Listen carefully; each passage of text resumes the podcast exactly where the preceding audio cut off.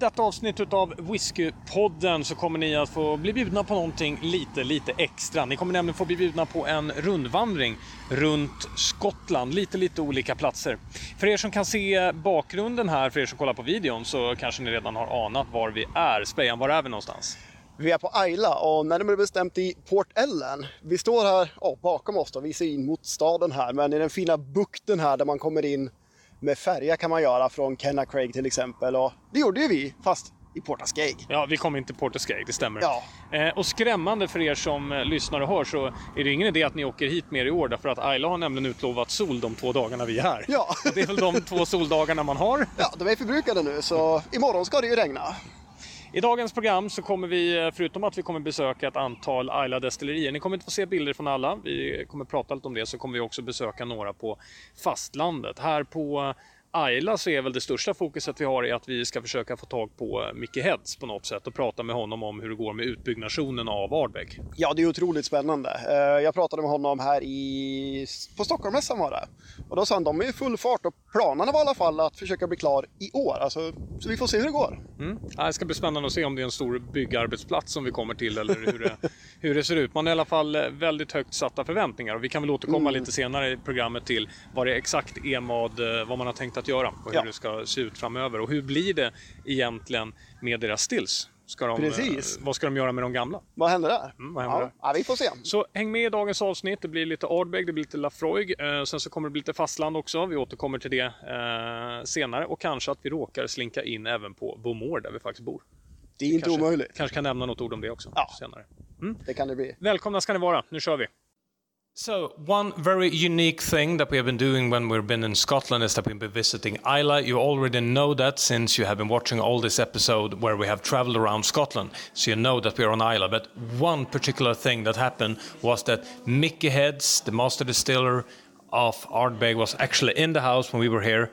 And we got a small, small interview. A few minutes, you told me, right? Yeah, one or two. One or two. One or two. Well, of course, what everyone wants to know in Sweden is, of course, you're building a new distillery, basically. You're building out, you have a new building, you will be bringing in new stills. How is everything going right now? Uh, it's going pretty good at the moment. You know, you, you can see if you wander around today, you'll see the, the buildings coming up. We're on the external walls just now. The, stills are in situ, they're inside. They're covered and protected at the moment. So, uh, and then in the next few weeks, we start putting the roof on and start doing all the mechanical bits inside, joining them together. So, but yeah, so it's, it's going fine. Yeah, so it's uh, yeah, it's, that, that's on to plan, and uh, this this this weather's doing good for us outside for getting the block work up. You know, so but yeah, so we're on plan. You know, so hopefully next year, beginning of next year, we should be hopefully ready with a new storehouse. Speaking about the capacity, I mean, the capacity has been very low. um, If you're speaking about Scotland, I don't think that most people know that because your current volume has been quite low. What, what, what will it be when you're done? Uh, we well, give us about probably be about seventy percent more. You know, so we so we're just we're at the moment where the distillery works round the clock because we're, we're quite a small distillery. So, and uh, we, it's for the last few years, you know, we've been you know running the distillery. You know, no, I wouldn't say hard, but it's been we're working 24 hours a day, seven days a week for about 47, 48 weeks of the year. So. Uh, so you know, we just we, we need to we want to make any more Ardbeg. We need to uh, put some more stills in. Yeah. The way to do it because we don't change the process. We're just going to run it the same way. You know, so uh, the stills tell us exactly in a year what we make Right. because it's uh, they, they set the they set the, the production level as they, as they run.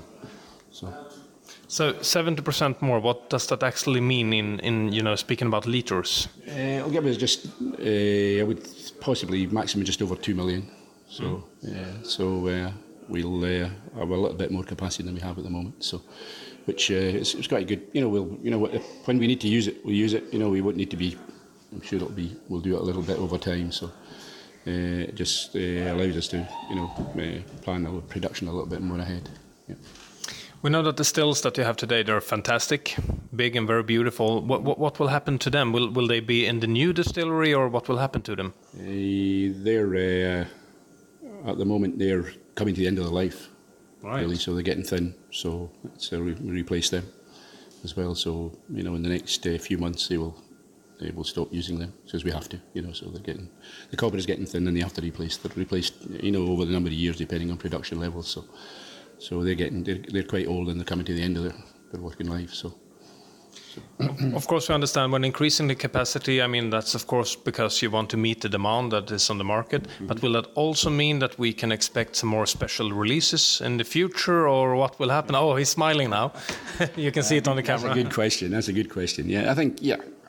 I mean, who knows what's going to happen in the future? You know, I mean, that's things. I mean, at the moment, I mean, that's a long way away. We make new spirit when the stills next year. You know, we're, we're 10 years, you know, down the line, you know, so so you're planning into the future, which we have to do anyway. So it, it gives us uh, it gives us a you know uh, some more liquid and see what, what we can do with it. You know, I mean, our ten year old in our core range is, is a big a big thing for us. You know, so uh, so we shall see in the future.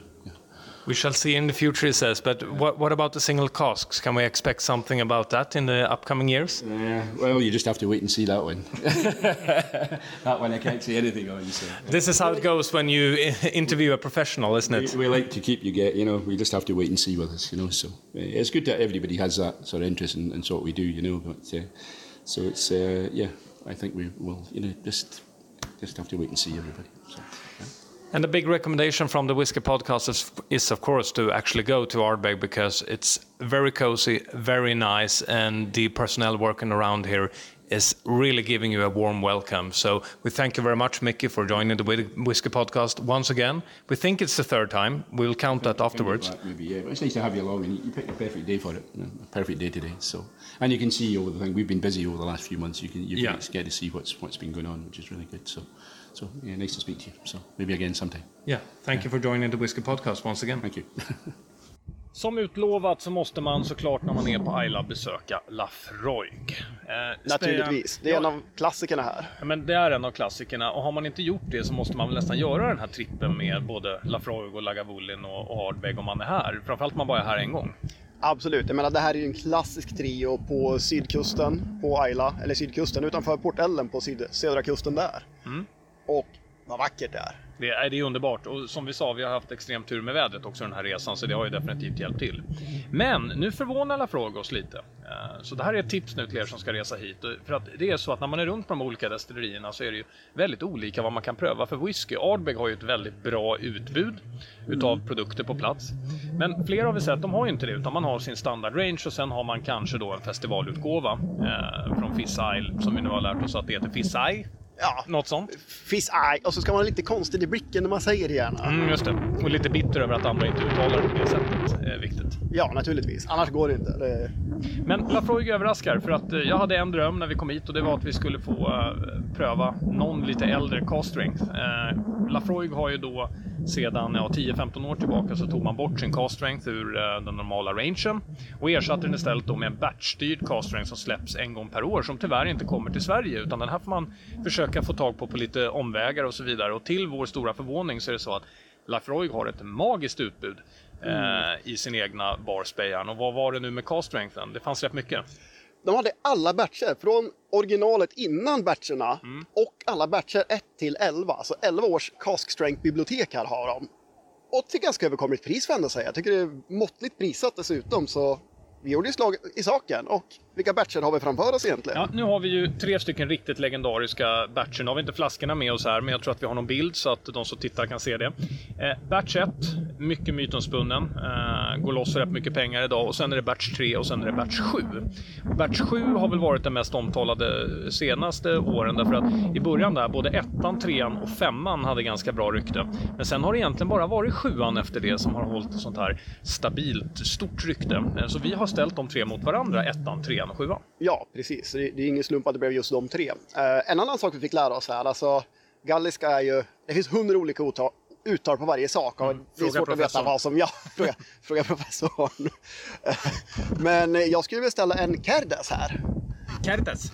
Men det är Karchas. Karchas. Mm. Så mm. ska det tydligen uttalas. Är på korrekt eh, Lafroig-gäliska. Ja. Uh, men vad tycker vi egentligen då? Vi har ju både luktat och smakat på de här? Ja, alltså eh, första reflektionen om vi börjar härifrån då som är sjuan. Mm. Eh, det är faktiskt att eh, sjuan håller upp mot sitt rykte. Alltså jag, jag kommer ihåg när vi fick sjuan, vi var så besvikna över att vi inte köpte fler utav den då och vi tycker att den har varit mycket bättre än de batcherna som har kommit efteråt och det vidhåller jag nu när jag prövar den igen. Det är en riktig käftsmäll men med rätt trevliga söta toner vilket gör att den blir ganska balanserad i, i, i munnen. Håller du med? Absolut, för den här, den här är ju pang på. Det här är grupp B-rally. Det är fort, det är skitigt och men den har ändå balansen som du säger. Den har sötman som jag har saknat lite grann som gör den rundare. Som de här senare som också varit riktiga, alltså bomber har det varit, så här mm. kraftiga. Men de har inte den här grunden som är lite rund och fyllig i sjuan. Den har lite försvunnit tyvärr med de senaste batcherna. Ja, då. Eh, och sen så har vi då batch 3 och den har väl vi bägge två tagit fram som vi tycker är vinnaren i den här eh, rangen. Och det mm. beror ju framförallt på någonting som händer i, i eftersmaken, Spejan. Vill du gå igenom den? Alltså det är så häftigt för det här är ju en maritim bomb nästan. Och den smyger sig lite på när man smakar den, men sen så eftersmaken. Alltså, det är ju från härifrån till Åban i Sälta på något sätt. Ja, ja ungefär faktiskt. Nej, det är ju underbart alltså. Och Sältan bara rullar och det är den här kolen, det är den här käran som vi så himla gärna vill ha. Och när det gäller hela den här rangen eh, så är det då kanske så då för er som inte gillar rök så tänker ni att oh, det här måste vara riktiga rökbomber. Men här får jag ge Lafroy att jag tycker inte att det är det man har försökt göra. Man har försökt göra en genuin whisky. Alla de här. Det är sältan och det är Martetima som ska komma fram. Och det gör den även om det finns rök där. Men det är käran och sältan och havet man tänker ja. på framförallt när man prövar den. Kanske om det är den första rökiga whisky man provar där den här otroligt kraftig rök. Men det här är inte en vägg av rök som du bara kör in i. Utan det här är ett komplement mer som du säger här. Så den är, de är välstämda alla tre på det sättet. Mm. Och när det gäller Batch 1 så är det så, det är väl den som är mest lik egentligen eh, Original Cast Strength då, den som jag nämnde som fanns i rangen från första början. Eh, och det här är ju en vanlig Lafroig 10 på steroider. Alltså prövar man den här så kommer man ju känna släktskapet med en, en 10 eh, mm.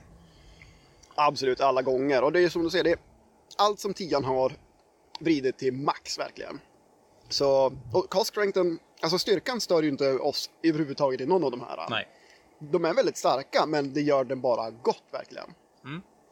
Så det är en häftig line-up. Ja, det, det är en jättehäftig line-up och det här är väl ett tips då. Ska man hit så ska man till Lafroig så har man inte bara eh, K-strength-utgåvorna, man har naturligtvis de äldre Lafroig, men man har också eh, Cardias eller Carchas som vi har fått lära oss nu mm. eh, tillbaka alla åren också. Så att eh, Lafroig överraskar på ett ja, väldigt positivt verkligen. sätt tycker jag. Och återigen det tåg och säga hur många gånger som helst. Det är så otroligt vackert här nere. Ja, det är det. Alltså, ni ska se den här viken de ligger i. Vi har ju solen med oss på Ayla. Det är ju bara det. Mm. Ja. Ja, det skulle väl vara tipset då som vi nämnde tror jag i inledningen vi talade om att kanske rekommendationen är att inte åka i år för de har redan haft sina soldagar. Ja, vänta till nästa år. Precis, vänta, vänta. Ja, med det så avslutar vi vår session ifrån Lafroig. Nu ska vi vidare. Ja, det ska vi och vi får se vart vi dyker upp nästa gång. Mm. Vi kommer inte göra det här programmet till någon typ av gissningslek, men för er som har varit här så kanske ni känner igen er. För några av er så kanske ni kan se rent av på glasen vart vi har fört oss någonstans. Spejan, vi är ju på Glenfiddich. Ja, detta, denna gigant som är en så naturlig whisky-skapare alltså. Det är ju fantastiskt att vara här. Jättehäftigt, väldigt vackert också. Man tänker sig giganterna får lite oförtjänt rykte ibland om man inte varit där, men Glenfiddich, stort ja, enorm produktion men ändå charmigt tycker jag. Jag håller med. Och det här är ju som en liten, liten by vi just nu befinner oss i. Alltså Glenfiddich är som en liten egen stad. Ardbeg är ju mer som, eh, som ett hus med en vacker utsikt eh, jämförs naturligtvis. Tio gånger kapaciteten har de nästan här. Vi talar alltså eh, topp fem absolut största whiskydestillerier som existerar och världens mest sålda singelmalt. Och vi pratade lite om det innan och tydligen så går nästan all produktion här också just till single malt. Det går inte till blends utan folk dricker Glenfiddich i mängder världen över. USA, Asien, Europa. Alla dricker Glenfiddich. Mm. Mm. Ja, men det är ju för att det är en god dryck. Det är, det är inte mer än så. Absolut. Och som du sa, Glenfiddich är en liten by. Men vi är ju också en liten by.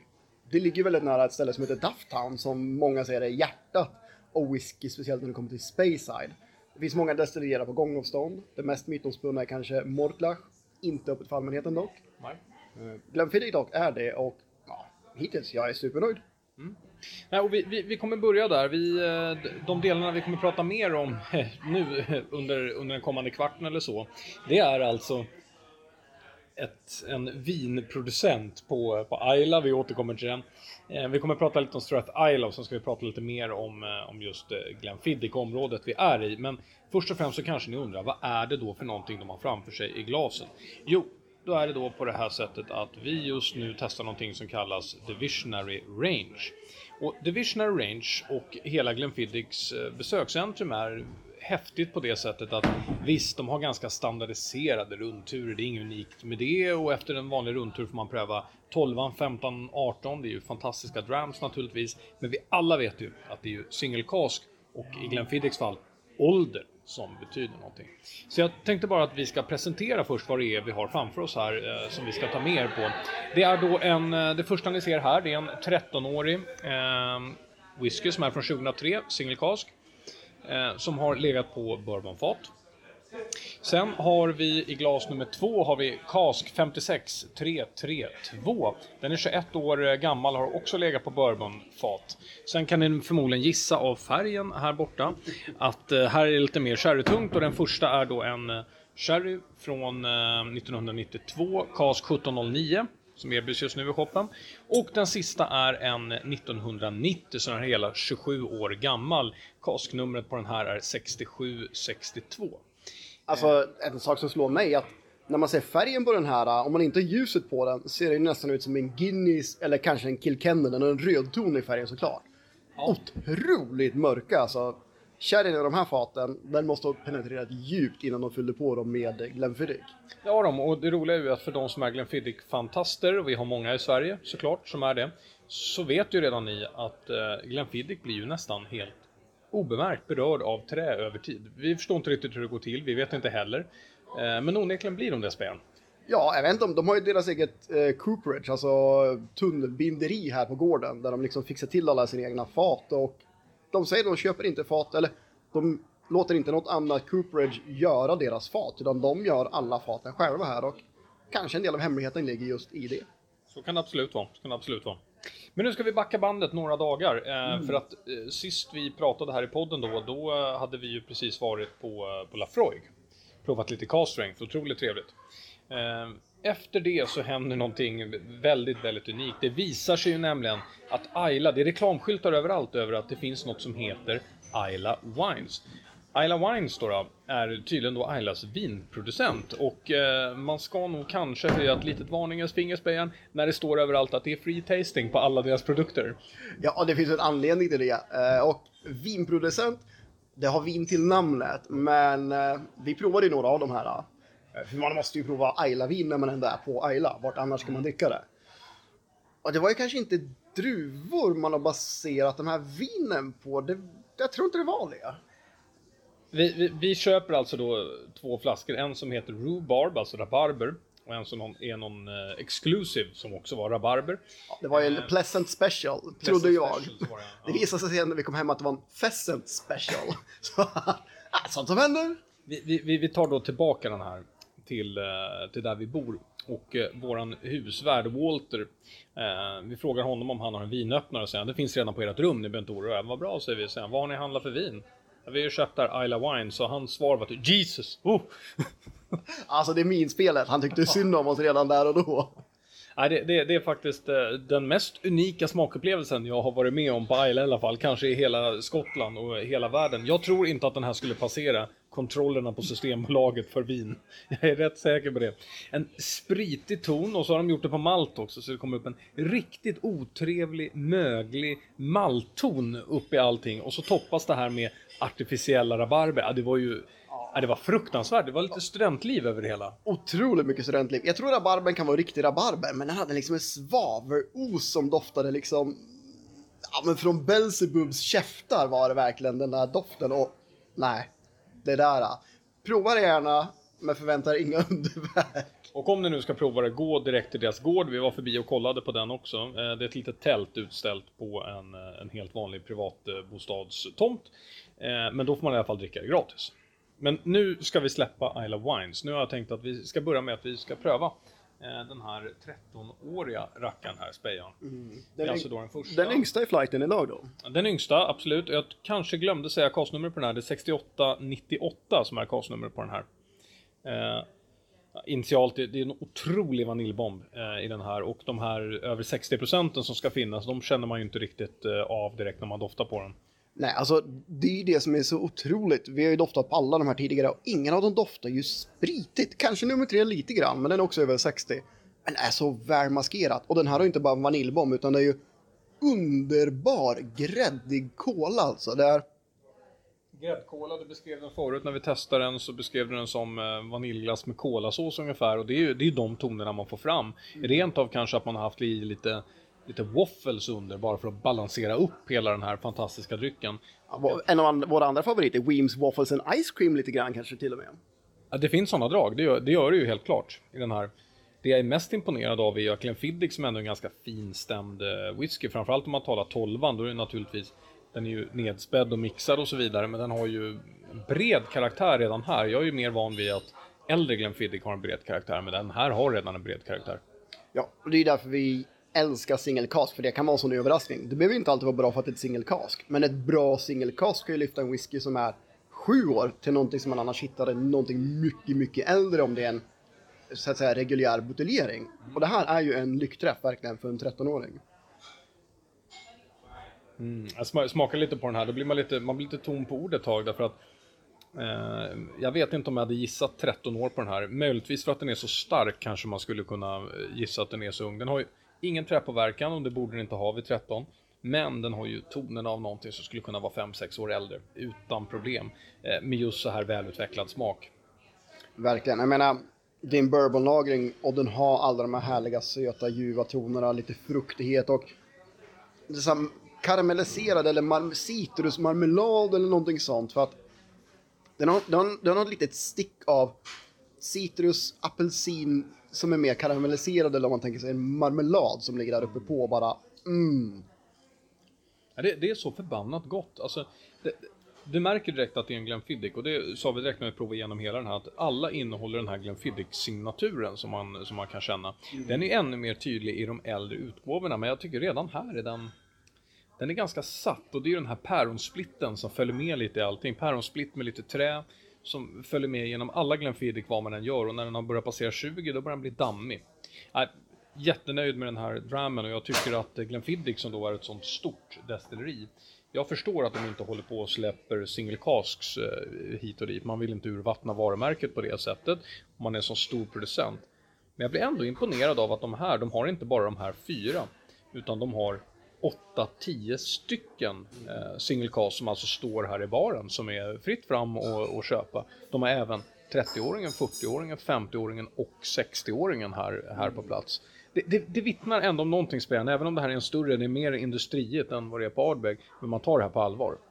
Absolut, jag menar det är familjeägt och eh, de styr det fortfarande som man då får tro att de alltid har gjort det i alla fall. Man får den upp känslan här att de bryr sig väldigt mycket om sin whisky, de vet de är stora, men de vill inte tumma på kvaliteten. Deras yngsta release är 12 år fortfarande. De har inte tagit nazienvägen, de liksom försöker undvika det så mångt och mycket från Core Range. De har ju experiment och så vidare som de inte sätter ålder på, men i Core Range 12 är fortfarande den yngsta. De har inte klivit ifrån det överhuvudtaget, så nej, de bryr sig. Vi kan också nämna det, det här, det här stället vi är på, The Malt Barn, tror jag det heter. Det fungerar också som lite systerlokal för Balvenie. Just det. För Balvenie har ingen eget eh, besökscenter på det här sättet. Eh, där du kan gå in till baren och beställa drams som man kan göra här. Så att de har även en fantastisk Balvenie-uppsättning här i baren. De. Eh, toppar med en om det var en 40-åring eller 50-åring. Det är amazing såklart. Eh, vi ska göra så här, vi ska prova tvåan också innan vi ska prata om Strath Isla. Mm. Eh, tänkte jag. Och nu har vi då rört oss till 1995, den här är 21 år gammal och då vill jag bara skicka en hälsning till Pontus Bontegard eh, som delar sin favorit med oss. Det är en eh, 21-årig romcask som finns i, i Sverige. Det är en varm köprekommendation för er som vill ha både känsla av gammal eh, Glenfiddich men också en liten avslutande sötma. Det här, den här har inte legat på romcast, den här har legat på bourbon. Men den köttet du snackar om, det är 5 och 5 solar, bara köp. det, det, är bara köp, ja, ja. precis ja. ja. Mm. Här är betydligt mycket tungre vanilj och här har kryddorna kommit fram, så det är mer välutvecklat dram nu som, eh, som vi talar om. Ja, alltså profilen är ju mycket, mycket bredare och komplex nu än i 13-åringen. Ja, ja, visst. också toner utav, uh, utav marsipan, en viss uh, sälta. Det kan komma in i vissa Glenfiddich-utgåvor också. Men framför allt en ganska trevlig fruktkompott, lite Ahlgrens bilar kommer in här och spelar roll. Uh, det är en ganska bred doftprofil i jämförelse med den förra som ändå mer håller det här som du sa. Det var gräddigt, det var glassigt, det var chokladigt, det var kola och så vidare. Här får man nästan hela rangen. Du kan hitta glassen och kolan här i också, men du kan även hitta fruktkompotten långt där bort. Du kan även hitta kryddorna. Ja, den här tar ett tag att plocka isär och eh, den här kan man nog sitta med en hel kväll tror jag, bara den här och njuta och upptäcka nya dofter. För den här är väldigt komplex i doft och jag tycker varje gång jag doftar det liksom Ja, men nu har vi lite där, nästan lite grape också här nu helt plötsligt. Det är fantastiskt vad de har hittat i det här fatet också. Det här är ju noga utvalda drams. Och underliggande det här så kommer första tonen av det som kallas gammal Glenfiddich. Och vad är då det? Vad, vad är det doftar? Ja, vissa brukar beskriva det ungefär som att det är som att gå ner i en något blötare källare, eller en gammal blöt eh, källare. Det är ett sätt att beskriva det. Vissa brukar kalla det ett dammigt bibliotek, mer åt det hållet. Jag skulle i det här fallet kalla det en ganska råbesk träton fast som trots allt det här är ganska trevlig. Alltså det, det, det, är det som är så härligt med den, att det är som det goda limmet. Det finns mm. vidrigt lim och det finns gott eh, lim. Och här har den redan börjat taga och det här är ju naturligtvis då från, eh, från trätonerna, alltså det vill säga att sammansättningen har kommit så långt ut i träet. Men just för att den åldras så pass bra blir det inte det här otrevligt, du får ingen beska på slutet som kan komma ibland i gammal whisky, utan den här håller sig alldeles finemang och det roliga är ju att den börjar få de här tonerna vid, vid 21 års ålder. Eh, har, det finns whisky på världen som är slut efter 2025 för då har den ätit upp, träet har ätit upp whisky. Mm. Absolut och som du sa, jag menar eftersmaken, den, den är inte bäsk utan den är så här stilsamt torr och skön men underbyggd. Alltså, det, det är en kolasött med den här också som är hela basen för den söta profilen. Och den följer med så himla fint ut alltså. Jag tycker det är... Ja, den här vinner såklart över den första. Bägge två fantastiska, men den här är ju definitivt ett bra steg upp i komplexitet och eh, min stil av whisky. Mm, och vi fick ju dofta på ett fat som var närmare 50 och ett som var runt 30. Bara för att känna skillnaden då, två olika bourbonfat när vi var här nu då. Och, och, där har man även samma sak, att det är kul då, då tycker man att 30-åringen, för här emellan nu, mellan 13-åringen och den som här är 21 så tycker man att här har ju hela, hela whiskyn bara slängts om, hela karaktären har ändrats. Då doftade vi på 30-årigt bourbonfat versus ett 50 och då tyckte vi samma sak där. Ja men mellan 30 och 50 då har ju verkligen den här drycken utvecklats, det har ju hänt någonting. ja alltså den 30-åringen var liksom, den är lugn och finstämd och så 50-åringen bara Jädrar, den här har nästan svängt om och blivit lite bråkig igen. Det är liksom en släng Craig Gallagher kanske man har haft i fatet till och med. Alltså superhäftig utveckling. Sa du precis att Glenfiddich haft Kregellersi i sin...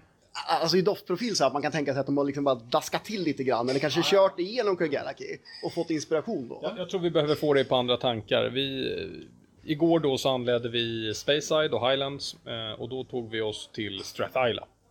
Ja, eh, Strathyla är det äldsta fortfarande driftsatta destilleri som producerar whisky i Highlands, hela Highlands. Eh, från 1786 tror jag att man slog upp portarna första gången. Och har då fortsatt producera whisky hela tiden. Och det är det också, det ägs av eh, Pernole i whiskyvärlden så är det Chivas Brothers. Och det är Home of Chivas, deras liksom mest genuina destilleri. För det är fortfarande väldigt mycket hantverk här. Byggnaderna från sent 1700-tal står kvar. Det är superpittoreskt. Om man vill hålla den karaktären på destilleriet. Men det ska också vara toppskick, så det är ett modernt 1700-tal om det går att förmedla. Eh, men det är Home of Chivas Brothers. Fantastisk eh, bar där. De har ju nästan alla deras destillerier har de Distillery Editions på, kan man prova. Hela Chivas rangen av de fina sorterna kan du prova. Och rätt häftig Strath Isla också, så det är väl värt ett besök bara för hur det ser ut. Alltså, det lovar jag. Mm.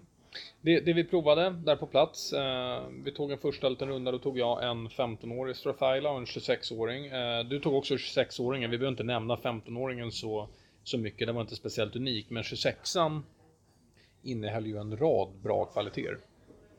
Det gjorde den definitivt. Jag menar 26 år, man förväntar sig en hel del och Strat Islas råsprit är ju kanske inte det mest finstämda som produceras i Skottland. Nej, det är ju kanske det mest skitiga som finns i hela Skottland ungefär. Ja, det är ju det och det märkte man lite av i 15-åringen att den var ganska bråkig på ett sätt som man kanske inte vill ha sin whisky. Men 26an däremot, då hade det, då hade det verkligen blivit en tämjd skitighet som ändå ligger kvar. Och, jag, vet inte vad jag, jag, tyckte, jag tycker den bara var bra. Alltså, en riktigt bra Strath en av de bättre jag har provat själv. Det var det. Och du gjorde ju också provet på en liten Milton Duff och det är ändå aktuellt i, i, Sverige med tanke på att vi har haft den här releasen där den sista då var Milton Duffen som kom mm. från Pernod. Du var väldigt nöjd? Otroligt nöjd. Eh, det var ju en mindre utgåva, det kan ha varit till och med en single cask, det ska jag kolla upp exakt. Men eh, de gör de här utgåvorna regelbundet och uppdaterar dem. De här Distillery Edition och det här var en 15-årig Milton Duff. Cask strength, tror single cask, men det kan ha varit ett fåtal cask man har satt ihop också. Eh, jättehäftig, alltså superfruktig. Den skulle stå i kanske 15-20 minuter faktiskt, för första gången jag provade den, då fick den stå ett tag till förmån för Strath Island. Sen kom jag tillbaks till den och kände, mm, nu börjar tropiken vakna till lite den här också. Och då blev den bara mer och mer intressant. Så jag slog till på en flaska till och med och ska ta med den hem. Mm. Bra, så, så ni vet vem ni ska ringa ifall ni vill pröva Milton Duffen? Jajamän. Mm. Eh, Strathyla då för övrigt är kanske inte ett jättekänt destilleri på det sättet. Det beror ju på att man producerar ju väldigt mycket till blenden som ska till Chivas Brothers. Mm. Ja, absolut. Det, det är ju huvudsyftet man har för deras sprit idag. För de är inte stor på någon marknad med sin single malt och jag tror inte det är en profil som gemene whiskydrickare skulle lockas av heller, utan det är mer de som är insatta och vill liksom leta det man inte har provat och hitta nya saker helt enkelt. Och för dem finns de, men de finns inte där för den vanliga whiskydrickaren som kanske tar en Chivas istället. Mm. Suveränt. Strathyla, eh, varm rekommendation. Väldigt, väldigt pittoreskt. Eh, vi ska alldeles strax eh, prata om Ben Rins, eh, men innan dess så tänkte jag då att då ska vi pröva Dram nummer 4, den här är från 1992 som jag nämnde. Eh, den har alltså kommit upp då i, vad blir det, 24 år va? Eh, ja, det stämmer väl ja. 24 år. Jag nämnde castnumret tidigare, men vi tar igen, 1709 är då det här. Eh, alltså jag tänker på dig och han Fritjofsson när du säger de här kastnumren, för han säger ju det på bolagsnumren. Det jag tycker jag är otroligt slående likhet här. Okej, okay, tack. Eller jag vet inte om det är ett tack att bli jämförd med Bengt Frithiofsson.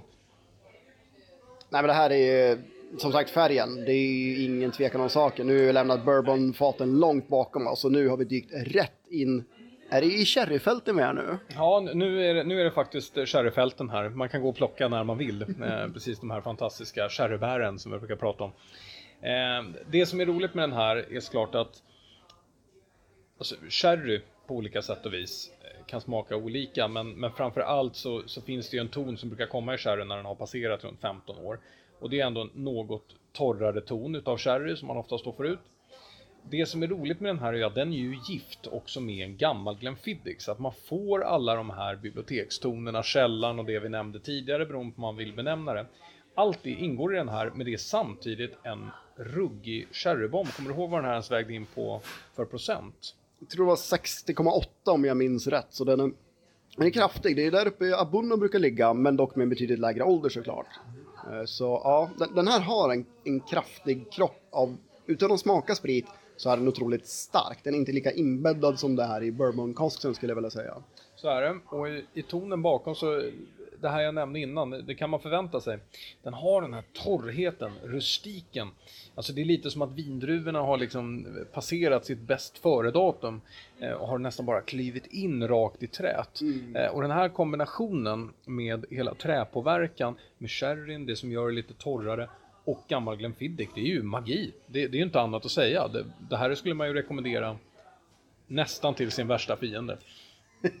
ja, Eh, vi gjorde en skillnad där faktiskt, för vi var tvungna att smutta de här som hastigast innan och låta dem sitta lite i glaset. Och det första jag kände var att för min smak, och jag brukar gilla cask strength, men den här hade lite för mycket för mig eh, av en stark kropp som kommer av alkohol, så jag vattnade ner den lite och då blev sherryprofilen mycket, mycket tyngre. Alltså nu är det ju Alltså, ja, man kan knappt tro det. Glenfiddigan är i botten, men, men sherryn har nästan tagit över, så ja. Det jag tyckte när jag luktade lite på din vattnade här, det var ju att eh, russina eh, som ligger bakom hade ju utvecklats eh, mm. och blivit nästan åt hållet av eh, eh, torkade plommon åt det hållet. Det väldigt, väldigt tung karaktär utav det. Ja, absolut, det här är ju mer den mogna fruktkompotten. Alltså man säger Christmas cake.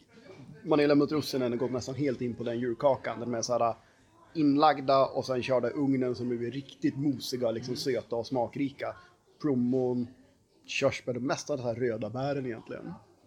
Och nu medan vi talar om den dramen så hoppas jag att ni eh, just nu kan se bilderna för er som tittar för att annars ska vi beskriva det för att idag tidigare på dagen så besteg vi nämligen Ben Rins. Det gjorde vi. Eh, högsta berget, det heter något som jag tror uttalas Corbett som inte riktigt är ett berg och inte heller bara en kulle. Men den högsta i Speyside så vitt jag vet. Mm.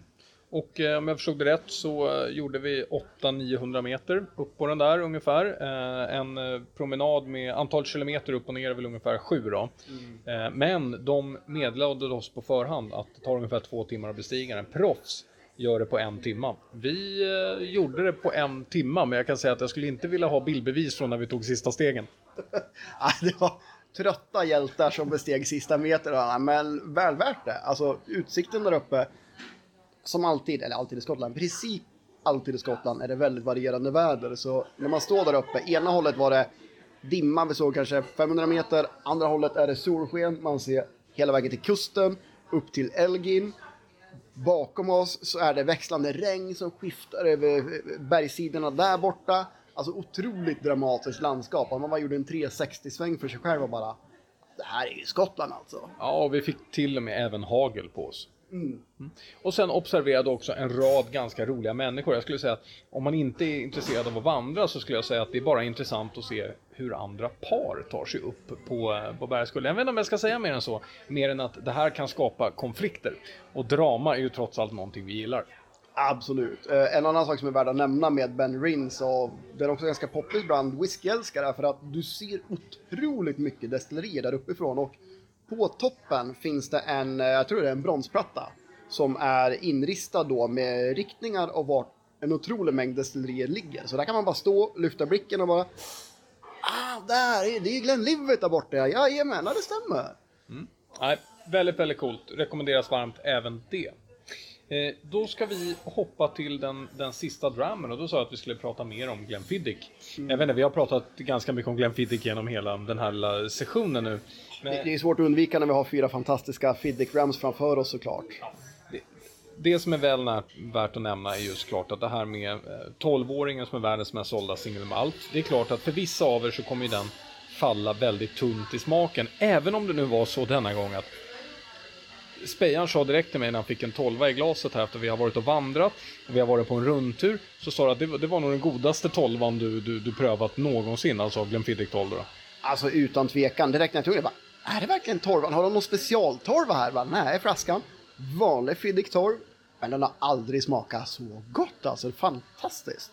Och ni, ni, vet ju redan det här, men vi säger det igen. Eh, såklart Glenfiddich 12 är ju en uh, ganska tunn singelmalt. Alltså den har en jättegod och trevlig karaktär. Men den går ju absolut inte att dricka efter någonting annat överhuvudtaget i whiskyväg. För det är någonting som kommer dödas av då. Så ska man pröva en Glenfiddich 12, då ska man ju ta den på en gång naturligtvis. Och, och helst här på Glenfiddich kan jag rekommendera.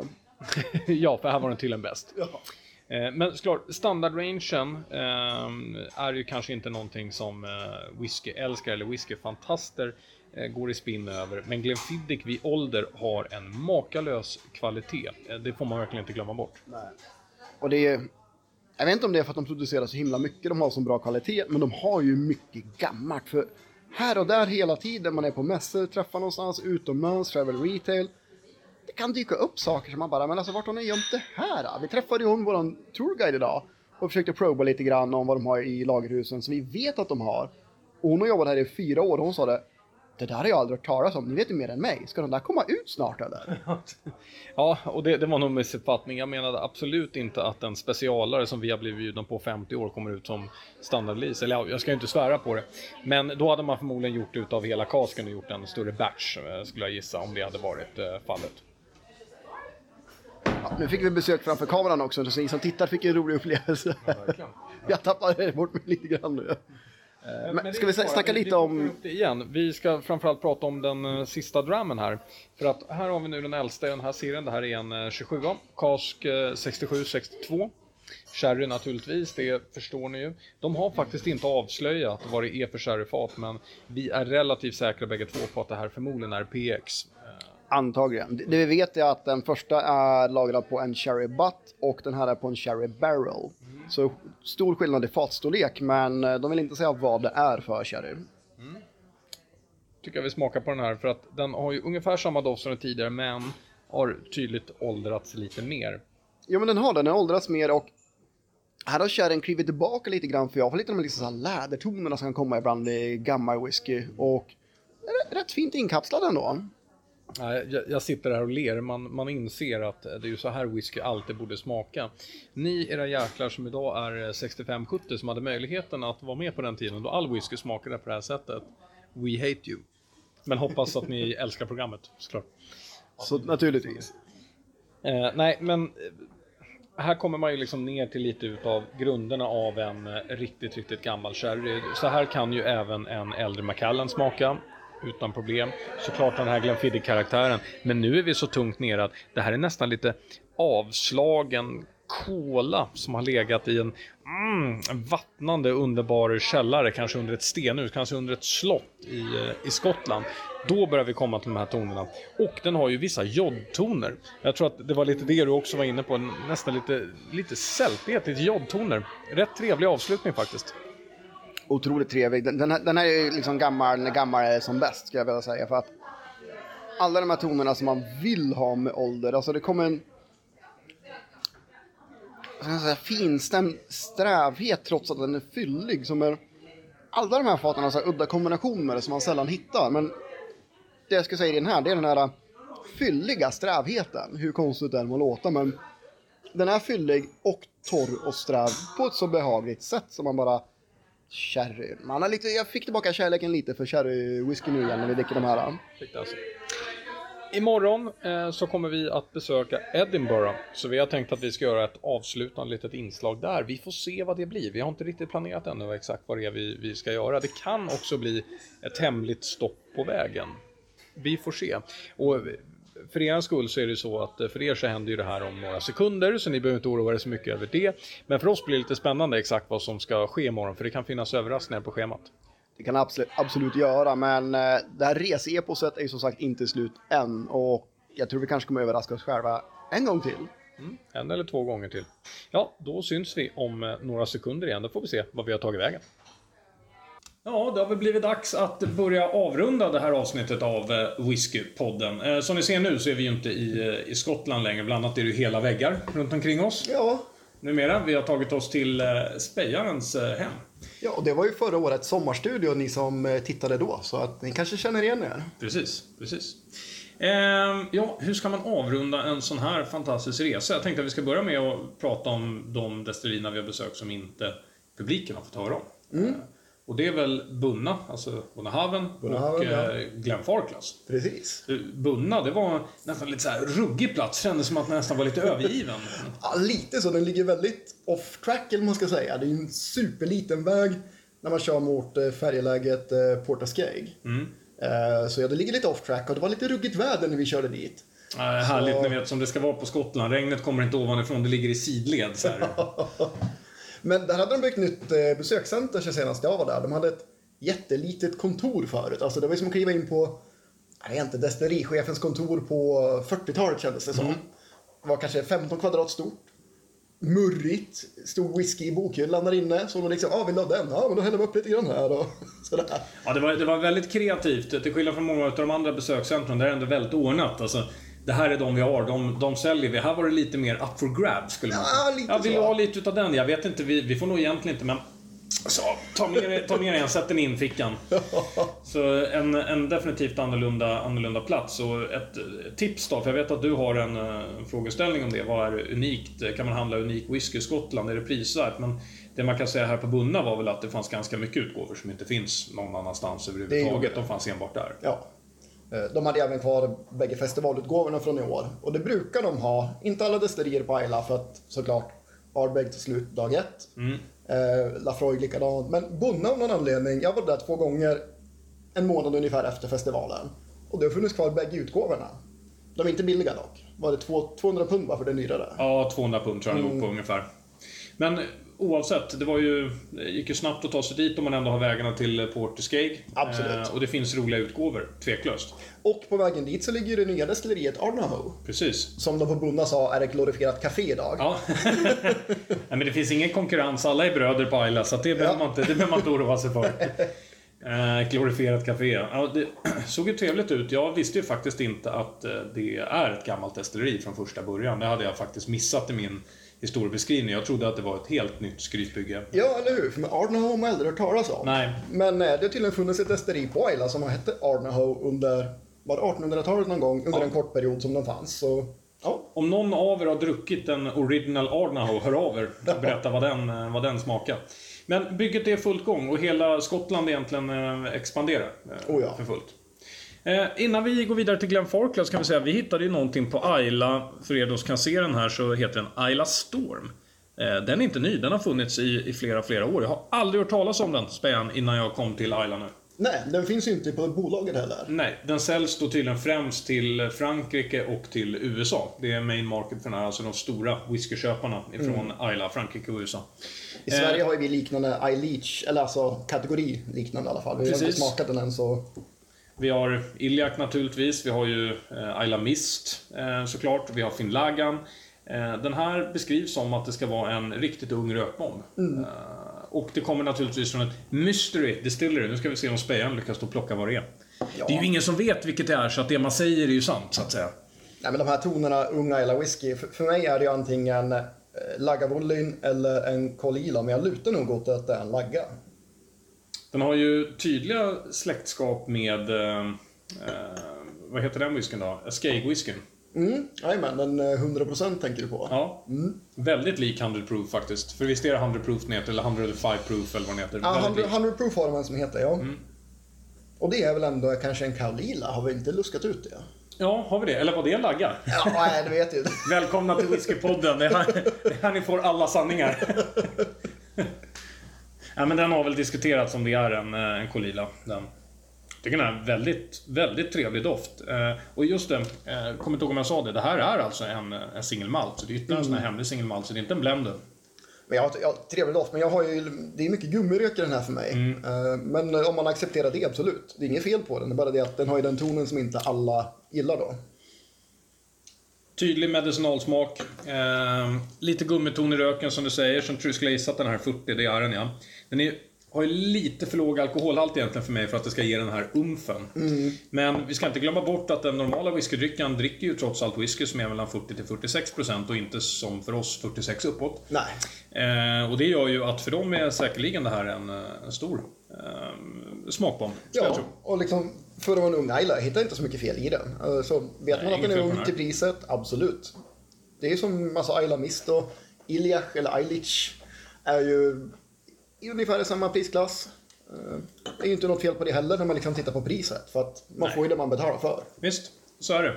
Och vi, vi har tidigare idag pratat om, och det ska vi fortsätta prata om, men vi har pratat om det här med standard, premium och deluxe. Vi kan väl återkomma till det någon annan, någon Mm. annan podd, vad tankarna, vad tankarna är gällande det. Ja. Eh, hur var Glenn Farclas då? Alltså jättemysigt. Mm. Eh, Den här fantastiska inredningen. eh, Ni som var där vet vad jag pratar om. Men när man kommer in innanför baren och deras showroom med gamla flaskor. Kommer man in i en salong ifrån ja, kanske 20-talet någonstans. Och alltså lite så maffig. Man liksom, känner sig hemma på en gång kände jag. Mm. Så ja, väl värt. Den passade lite som ett, eh, ett ruggigt klubbhus efter att man har varit ute och slagit 18 hål i spöregn. Lite Så så, kändes liksom miljön, lite så här varm och god. Ja, Så var det ju häftigt det här att inredningen kommer från en båt. ja vad hette den? Någonting of Australia. Ja, MS Australia kan vi ja. kalla den. Ja, ja. MS eh, Princess of Australia heter Yes. den. Återigen, Whiskypodden levererar dig den riktiga faktan. Nej, men det, det var häftigt tyckte jag. Och eh, där hade de inte så mycket speciell whisky som inte går att få tag på i Sverige. Nej, det var nog lite tunnare med det just där, tror jag. Det är väl kanske det att de har i princip alla family casks fortfarande till salu. Eh, Men de tar också betalt för dem som alla gör i Skottland. Så Ja. det var väl det. Annars är det, ligger lite utanför Aberlour, den stan. Mm. Så väldigt lätt- lättillgängligt om man är uppe i Speyside kring Dufftown och rör sig. Ja, nej, jättetrevligt ställe. Absolut att ni ska besöka Aberlour. Det var, det var mysigt. Nu var det Glen Farclas. Jag glömde klass menar jag. Men ja, det är ett mysigt ställe. namnen här börjar rulla runt. Det var bara för att du sa Abelarstan ja, alldeles innan. Nej, mycket nu. Ja. Vad Abelar har, det har vi ingen aning om, för där har vi inte varit. Det kan jag lova. Nej, inte på den här resan. Inte på den här resan. Förut, men inte nu. Men du, är, eh, är det prisvärt då att handla whisky i, i Skottland? Hur ska man resonera här som konsument? Folk sitter där och lyssnar och tänker att nu, eh, nu ska jag åka till Skottland och handla riktiga rariteter. Vad säger du? Rariteter, absolut. Prisfynd kan du inte göra i Skottland. Det går ju knappt att göra idag någonstans. Eh, men Skottland, det är så många som är där. Allt unikt som fanns för 20 år sedan som var billigt är ju antingen någon köpte eller så har det inte blivit köpt och idag så är det dyrt. Precis. Eh, men absolut, bredden finns ju där. Alltså otroligt mycket buteljeringar som är svåra att få tag på kan du köpa i Skottland. Men till marknadspris, så det ska man ju vara beredd på då. Ja. Och det är väl fair enough. Och det är som du säger, det är ju utbudet som är häftigt. Det är både alla de här små whiskyshopparna naturligtvis som, eh, som finns. Allt från Cadenheads till bara liksom en lucka in på hörnet där de kan ha någonting väldigt, väldigt unikt. Mm. Eller för den delen i en stor stad som Edinburgh. Ja. Där vi såg väldigt, väldigt mycket rariteter. Men det kostar ju därefter. Ni får förvänta er att ni skulle betala samma pris som ni gör här hemma. I många utav fallen så är det ju rent av billigare i Sverige, framförallt på standardutgåvorna. Oh ja, så är det. Bolaget är en stor köpkraft i whiskyvärlden fortfarande, så vi får bra priser på dem. Mm. Mm. Vad har vi för andra tips att ge då? Det kanske är det här lite med hur man reser i Skottland, skulle vi kanske kunna tipsa lite om. Vi sa ju nu att det var praktiskt att ha bil, men efter en vecka så kom vi nog fram till att man kanske borde kosta på sig att ha en liten sån här busstur, en minibuss istället. Man skulle kunna besöka mycket, mycket mer om man säger så, om man skulle ja. lägga upp en resa på det sättet. absolut, och har man egen bil, då har man också egen chaufför och eh, man dricker inte och kör. Så då får man alltid turas om liksom. Nej men idag får du köra. Alltså, ja, får man med sig en liten sample hem från destilleriet istället.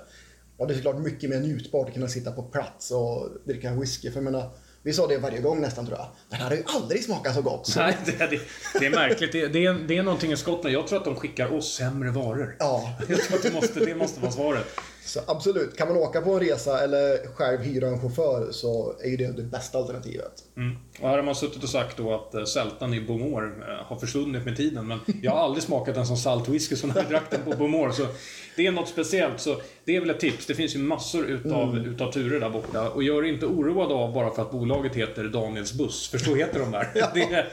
det är väldigt mycket så här personnamn. Ja. Väldigt, väldigt praktiskt. Och sen eh, hade jag ju fått veta på förhand innan vi skulle dit att Ayla är omöjligt att, att ta sig på. Det har jag fått höra från, från flera. Det är, det är nästan svårt även om man har bil. Det är svårt att röra sig. Så var det ju inte alls. Det går bussar. Nej, nej. Det går bussar. Men... De går inte jätteofta, men det går bussar. Absolut. Eh, och varannan går också ut till destillerierna. Så att det, det ja. går ett tag, eller går ut till Ardbeg, Lafroig och Lagavulin, ska vi säga. Inte till, inte till de andra. Men det går buss också upp till Bomor. Så att däremellan kan man åka utan problem. Och de har ju också byggt en ny gångväg. Eh, ja, från Portellen ända vägen ut till Ardbeg. Så mm. där går det ju gå eller cykla utan problem nu. Då tog det 40 minuter kanske hela vägen till Ardbeg. Ja, det var ju inga problem alls. Och um, Lagavulin är väl det som ligger, när, eller Lafroig som ligger närmast. Lafroig, är närmast, ja. Eh, den var ju inga problem, det var väl 20-25 minuter att gå till den. Ja, så något sånt. Varm rekommendation, framförallt om det är bra väder. Absolut, jättevackert. Och utöver det, har ni inte varit i Skottland är det dags att åka. Har ni redan varit där, åk tillbaka. ja, men också ett tips är ju att är det något destilleri ni gärna vill till, kontakta dem och förboka. För att ja. annars kan ni komma dit och ni kommer inte komma med på en tur som ni vill gå på. Eh, och boka långt innan, alltså inte ett år innan, men så fort ni kommer på tanken att ni ska åka till Skottland och jag vill absolut göra det här, kolla då på en gång. Finns det plats att göra det jag vill göra? Mm, helt rätt. Och eh, må inte dåligt av om det är så att ni inte känner för att ta en tur på varje ställe. För jag skulle nog rekommendera att man orkar inte så himla mycket mer än en tur per dag i alla fall. Besöker man fyra destillerier, de unika sakerna som finns, finns ju trots allt i baren. Alltså den största ja. behållningen från den här resan var ju vad som fanns i de olika barerna på de olika Absolut. visitor center. Så att... Sen, sen, är det möjligen de här tastingsen som man får göra i warehouse. De föregås ju i många fall av en tur på destillit också. Vissa ja. har dem separat och då är det superbra. Boka warehouse tasting bara. Rätt in, pang på, nu dricker vi fina cask samples. Så det är också någonting att titta på. Nej, det är bra grejer. Det är klart att ni ska åka till världens största whiskyland, Skottland, när ni får eh, möjligheten. Och nu ska vi sluta babbla. Vi ska bara önska er en riktigt, riktigt fortsatt trevlig dag. Och om vi nu råkar släppa det här under sommaren, det vet vi ju aldrig. Som ni vet, vi har svårt med det här med tidsaspekter i podden, så önskar vi en trevlig sommar också. Ja, absolut. Vi garderar Men är, är det vinter så hoppas jag att det inte är en så kall vinter. Trevligt år. Ja, trevligt år. Vi önskar er ett trevligt år och tackar för oss. Det här är Whiskypodden som idag har haft ett eh, väldigt, väldigt långt seminarium, skulle man kunna säga, om ja. Skottlandsresor. Tack för oss.